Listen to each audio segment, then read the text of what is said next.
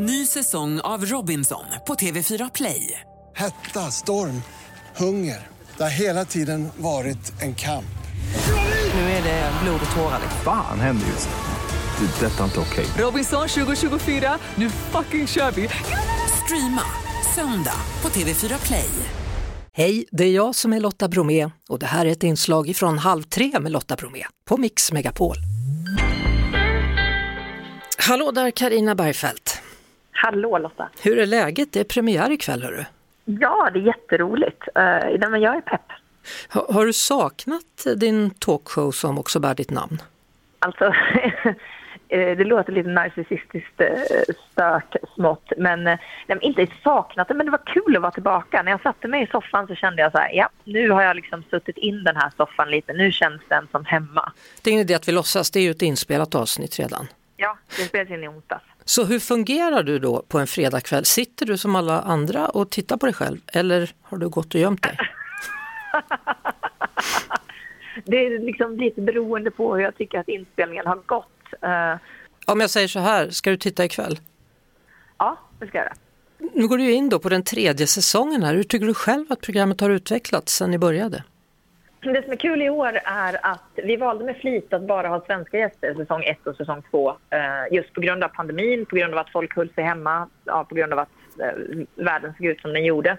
Så att nu ikväll så har vi den första eh, internationella eller utländska gästen, vilket är väldigt roligt. Och då är det en dansk kvinna som har flyttat till Nigeria för tio år sedan för att rädda barn som pekas ut som häxor. Eh, Det finns eh, tiotusentals barn i Nigeria som hamnar i den fällan att eh, någon får för sig att de är häxa och de blir utstötta av sina byar och hon räddar dem ifrån en död. Så hon har 88 barn boende på ett barnhem, den kvinnan. Och hon har en helt otrolig historia så att jag är jätteglad att hon är där. På vilka grunder pekar man ut någon som en häxa? Det kan vara allt ifrån att någon har dött i familjen till att en skörd har gått snett. Det finns vissa regioner, eh, vissa områden i den här delen av Nigeria som är en av de farligaste delarna där vidskepelse och black magic har blivit väldigt stor. Och då är det barn som hamnar i kläm helt enkelt för man behöver ha någon att skylla på. Framförallt så finns det då såna här präster som har insett att det finns pengar att tjäna i detta. Lyckas man få människor att tro att barn är häxor så kan familjen då antingen betala pengar för att de ska driva ut de här häxorna eller eh, så måste familjen på något sätt offra det här barnet. Det är det hon kämpar emot. Ja, jäklar. Är, är det bara flickor eller kan pojkar vara Nej, det är häxor? faktiskt oftast pojkar som är häxor. Pojkar har en tendens, om man ska generalisera, att vara lite vildare eh, och lite mer eh, aggressiva ibland. Och då, ja, då är det lätt att de blir liksom den som man pekar ut. Vilken historia hörru. Ja, verkligen en otrolig historia. Så att eh, om man ska börja med internationella gäster så känns det väldigt bra att börja med någon som har någonting riktigt vettigt att berätta om. Ja. Och sen kommer Nils van der Poel då som har lagt skridskorna på hyllan. Jag har hört att han Ja. ska berätta vad han ska göra nu. Exakt, han avslöjar för oss eh, hans nya grej, vilket är väldigt spännande. Ja. Det är kul. Och så blir det Mia Skäringer och Hampus Nessvold som har en podd ihop då. Och sen så är det Ja. Seinabo Osei som sjunger. Ja, världspremiär som vi gillar att säga när det är en helt ny låt som spelas. Jag hoppas att vi ser dig som gäst i Halv tre här framöver, Carina Bergfeldt.